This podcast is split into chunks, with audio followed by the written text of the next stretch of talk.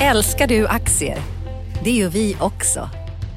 Sea Worldwide Asset Management är en av Nordens största oberoende aktiva aktieförvaltare och har samlad kunskap sedan 1986. Ta del av vår kunskap på seaworldwide.se. Bokstaven C, worldwide.se.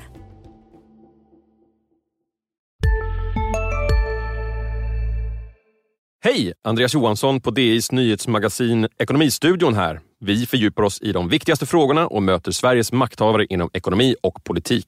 Ekonomistudion finns där poddar finns varje dag klockan 16.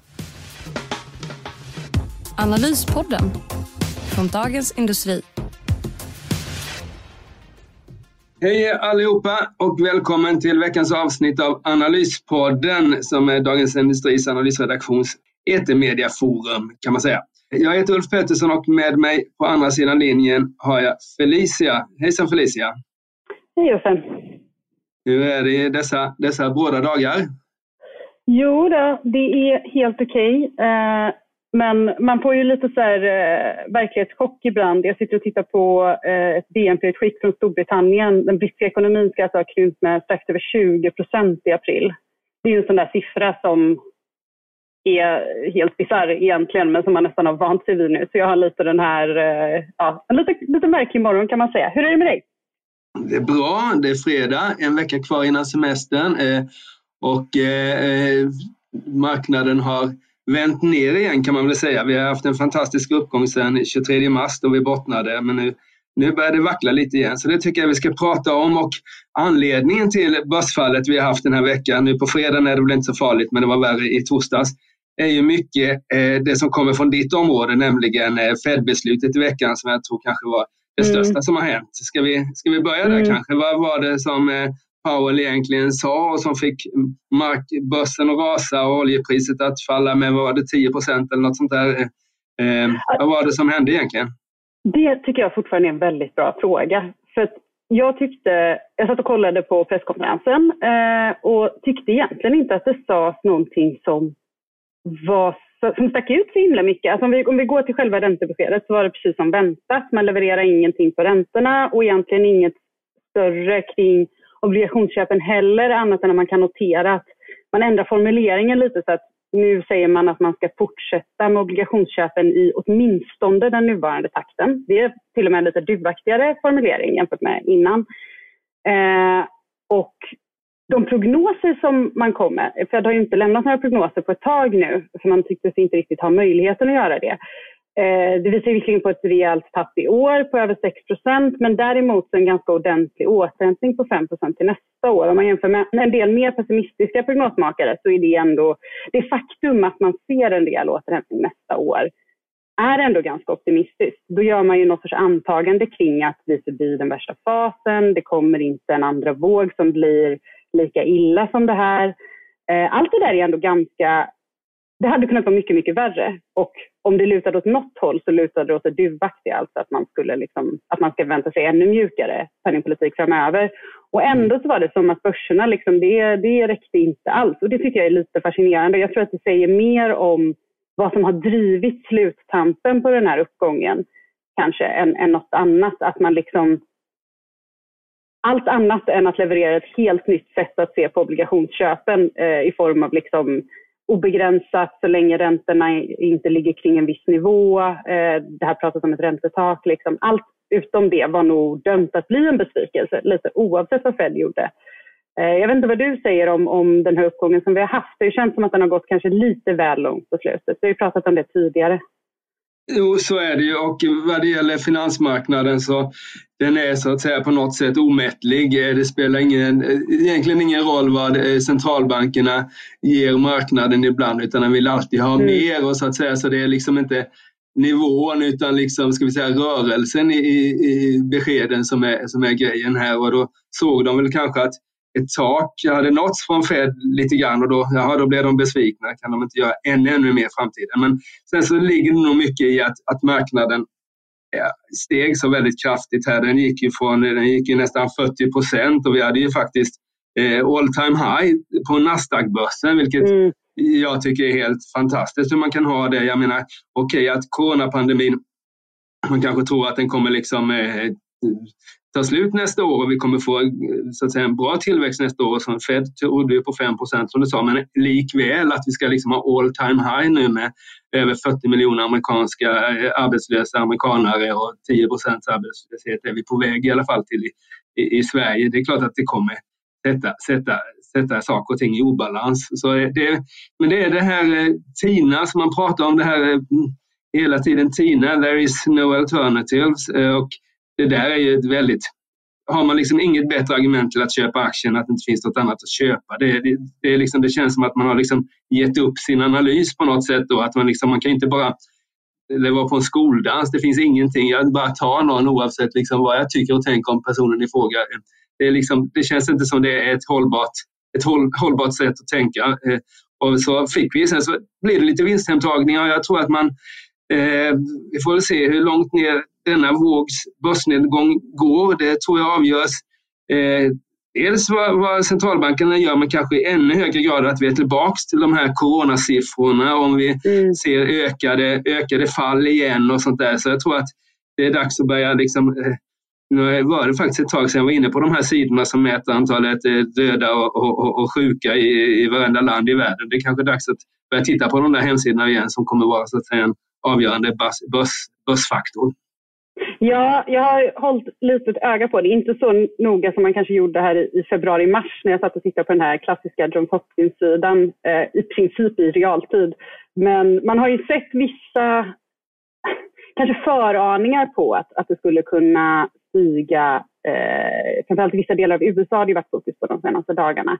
Eh, några av, av delstaterna i, i de södra delarna av landet där man ser vissa första tecken. Jag tycker överlag att man ska vara, som en, som en icke eh, epidemiologiskt kunnig person så ska man överlag vara försiktig med att dra slutsatser. Men man kan väl säga så här att det känns ju som att om, om det som driver alltihop är TINA eh, och centralbankerna gärna nu tar en paus och inväntar lite mer data, vilket jag tycker känns helt rimligt att man gör, bara ur ett makroperspektiv, Ehm, då, då, finns det väl antagligen mycket mer slagsida i just det när det kommer negativa grejer i nyhetsflödet så kommer det kunna slå igenom mycket mer igen, lite som vi såg tidigare under våren.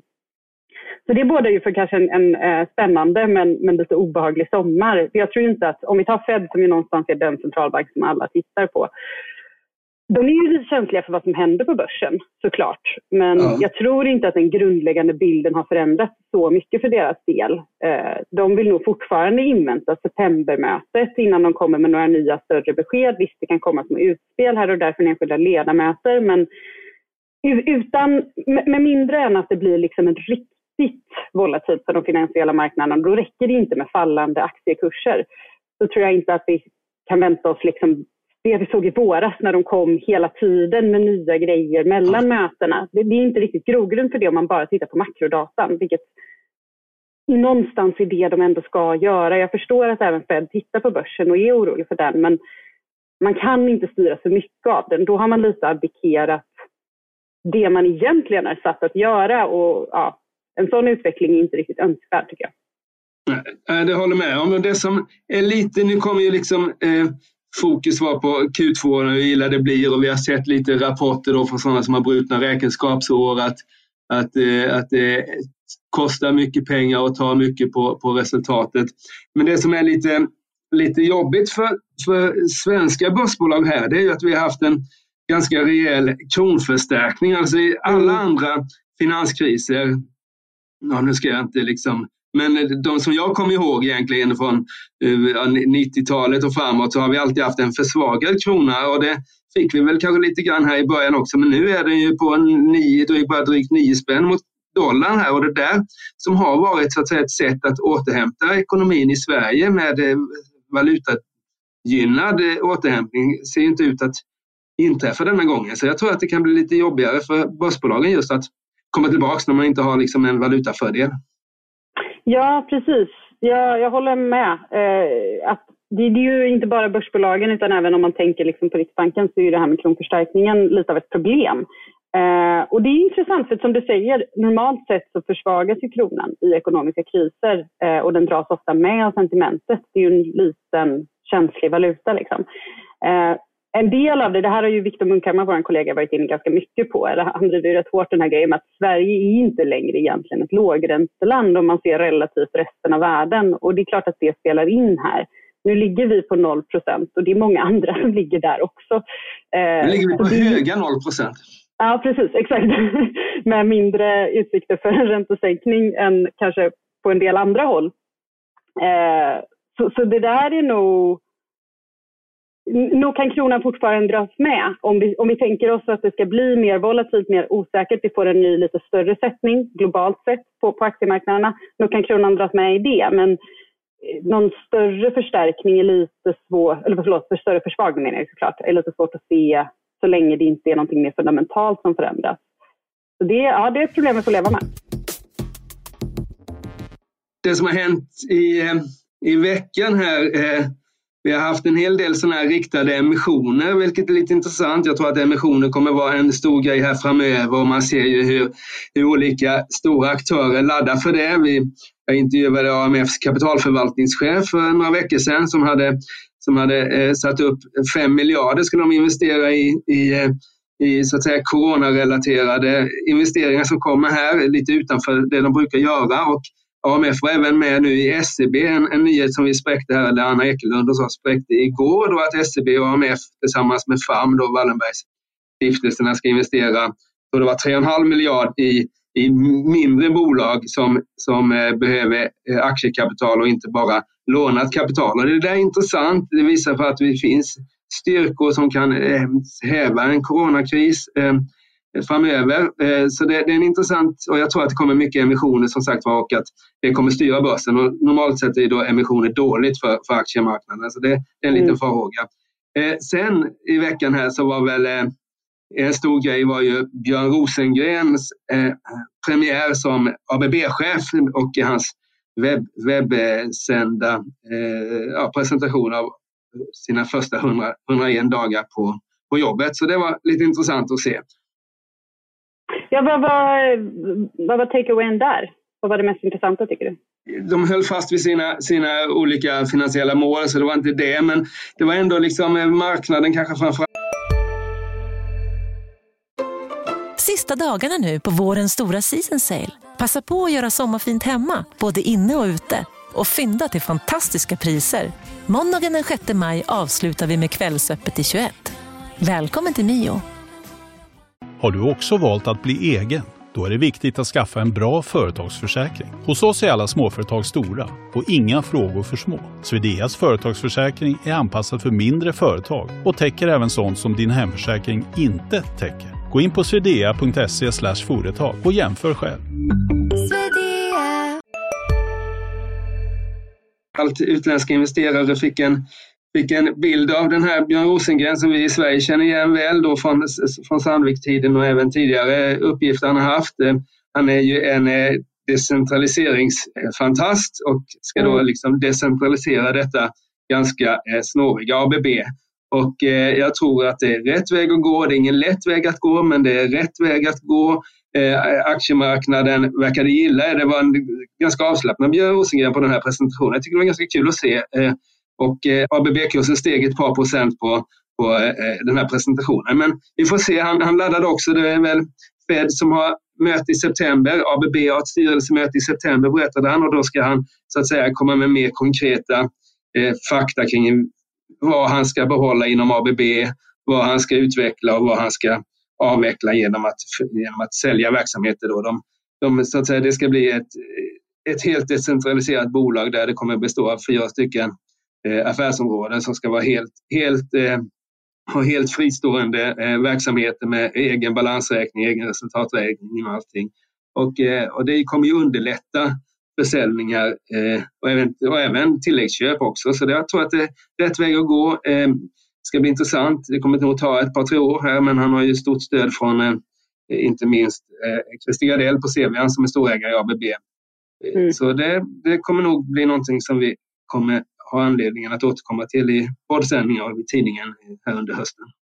Mm. Finns det något särskilt på önskelistan i termer om man ska sälja och köpa? De gjorde ju en väldigt stor grej eh, eh, när de sålde Powergrids här för 100 mm. miljarder till, till Hitachi, japanska Hitachi. Det kan finnas ytterligare delar, men kanske inte så stora delar utan det är nog mer på divisionsnivå i så fall. Eh, grejen är ju att ABB har, är inne i väldigt mycket eh, intressanta framtidsområden som digitalisering, robotisering, elektrifiering och sånt där. Jag tror att man måste så att säga kraftsamla och satsa på någon av de här och inte så att säga halvhjärtat försöka satsa på alla och dessutom ha en ganska stor överbyggnad. Så, så det är lite, det är lite ja, vi får se vad han kommer fram till, vad, vad Björn Rosengren tycker har mest intressantast framtidsutsikter. Som, eh, eh, ja, det var väl det. Mm. Ja, men det låter som att det kan bli spännande eh, framöver, inte bara i höst utan under en längre tid. Då. Ja, det, och det är ganska kul också. Det, man märkte här att det är inte, men, men det känns som att eh, ABB blir lite mer eh, svenskt igen på något sätt. Det kommer vara lite, jag tror att det kommer göra att vi kommer skriva lite mer att det är en svensk VD och och att det liksom, ja, det blir, det blir det, tidigare känns det som att ABB har flyttats bort och blivit ett europeiskt eller schweiziskt bolag eller något sånt där mer än ett svenskt. Men nu är det lite Sverige igen. Eh, Wallenberg är ju största ägare och Sevian är också stora. Eh, något annat då som du har tänkt för veckan eller som du tänker för, för nästkommande vecka? Ja, alltså nästa vecka är faktiskt det, det händer saker på makrofronten men eh, med, del, med den liksom standard man har satt här under våren så ser det ut att vara en, en hyfsat lugn vecka. Jag ska faktiskt vara ledig egentligen. Men eh, några grejer som jag ändå kommer spana in på är eh, framförallt arbetsmarknaden, eller Arbetsförmedlingens arbetsmarknadsprognos som kommer nästa vecka tycker jag ska bli högintressant. Det är ju det var ju lite kämpigt med arbetsmarknaden redan innan allt det här hände. Vi kommer alla ihåg eh, strulet på eh, Statistiska centralbyrån kring datan. Eh, men vi såg ju liksom en försvagning på den svenska arbetsmarknaden redan innan det här skedde och sen så kommer krisen och pang bom, i Sverige som i de flesta länder så ser man att varslen går upp, arbetslösheten går upp. Eh, och en grej som jag tror, just nu har det ju fortfarande varit ganska mycket fokus på hur djup blir krisen egentligen? Hur många blir av med jobbet? Eh, mm. Vi vet att arbetslösheten kommer ligga högre framöver. Den kommer sannolikt stiga även under nästa år när man har de här följdeffekterna. Det är liksom en trög del av ekonomin. Den brukar komma efter allt annat. Nu, den här gången så kom den samtidigt som allt. Eh, men det finns egentligen ingen anledning att tro att den inte fortfarande kommer vara trögare än de flesta andra delar av ekonomin i hur den rör sig. Det är rimligt.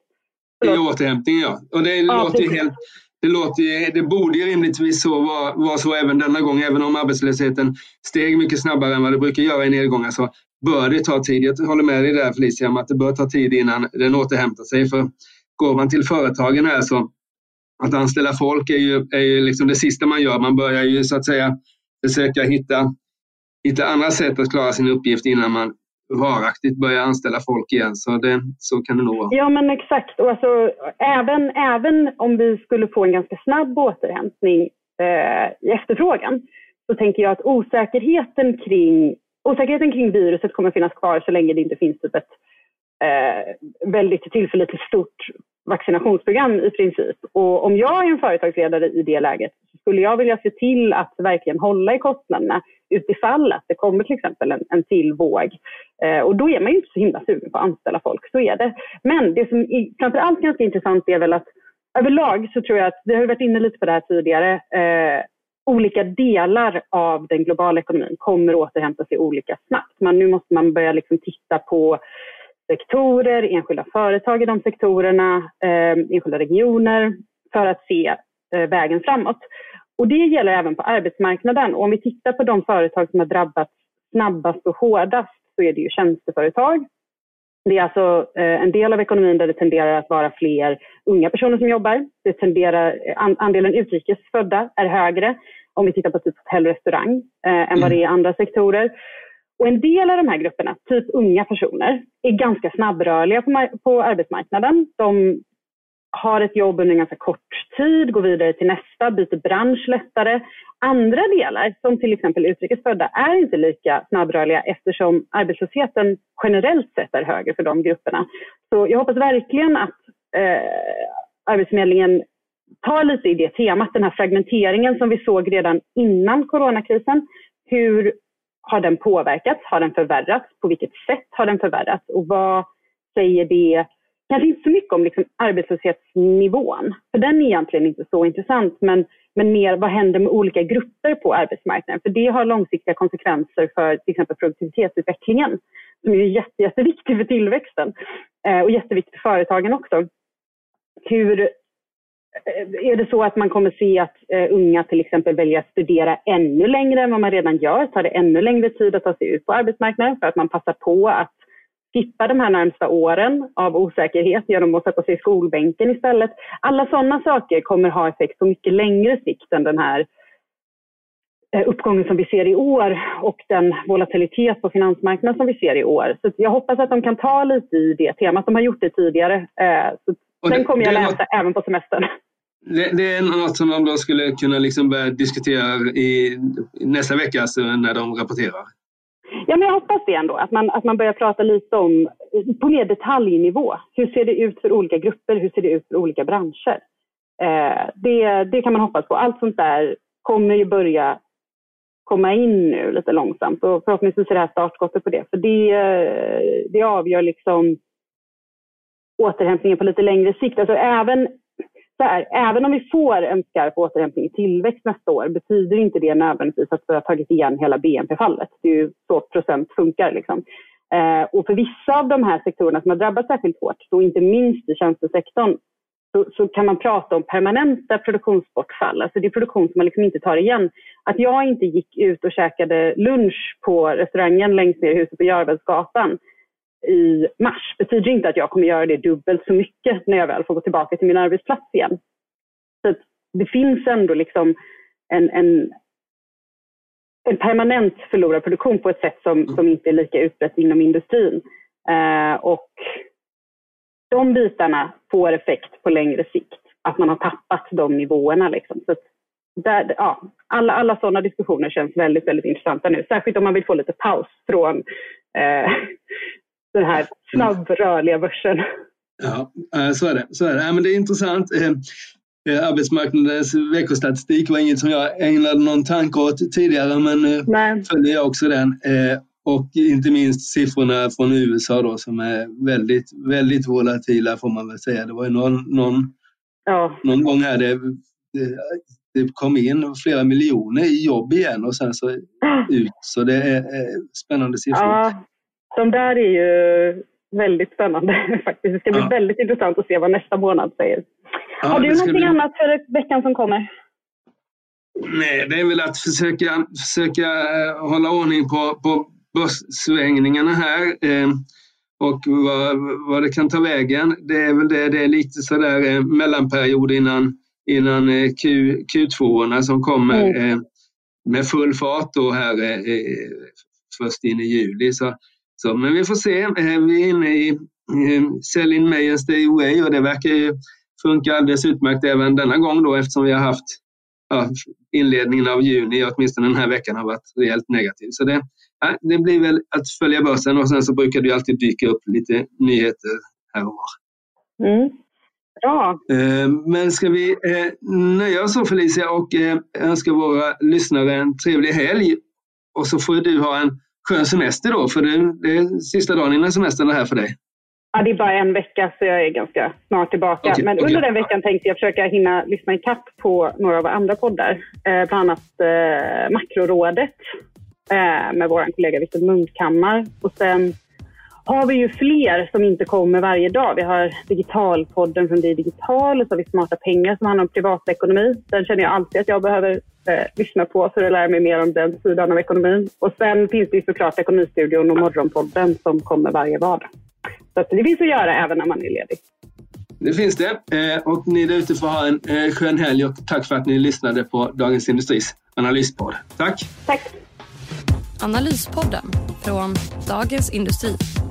Programmet redigerades av Umami Produktion. Ansvarig utgivare Peter Fellman. I podden DI Jämställt näringsliv möter vi kvinnorna som har nått toppen och personerna som verkar för ett mer balanserat näringsliv. I premiären ska vi träffa Sveriges mäktigaste techkvinna Sofie Benz. Och sedan hörs vi igen varje månad den 15. Trevlig helg! Hej! Andreas Johansson på DIs nyhetsmagasin Ekonomistudion här. Vi fördjupar oss i de viktigaste frågorna och möter Sveriges makthavare inom ekonomi och politik. Ekonomistudion finns där poddar finns varje dag klockan 16.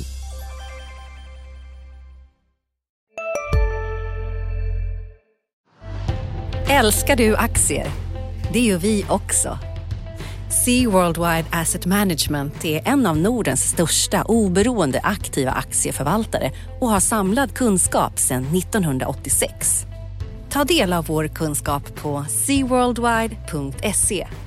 Bokstaven C, worldwide.se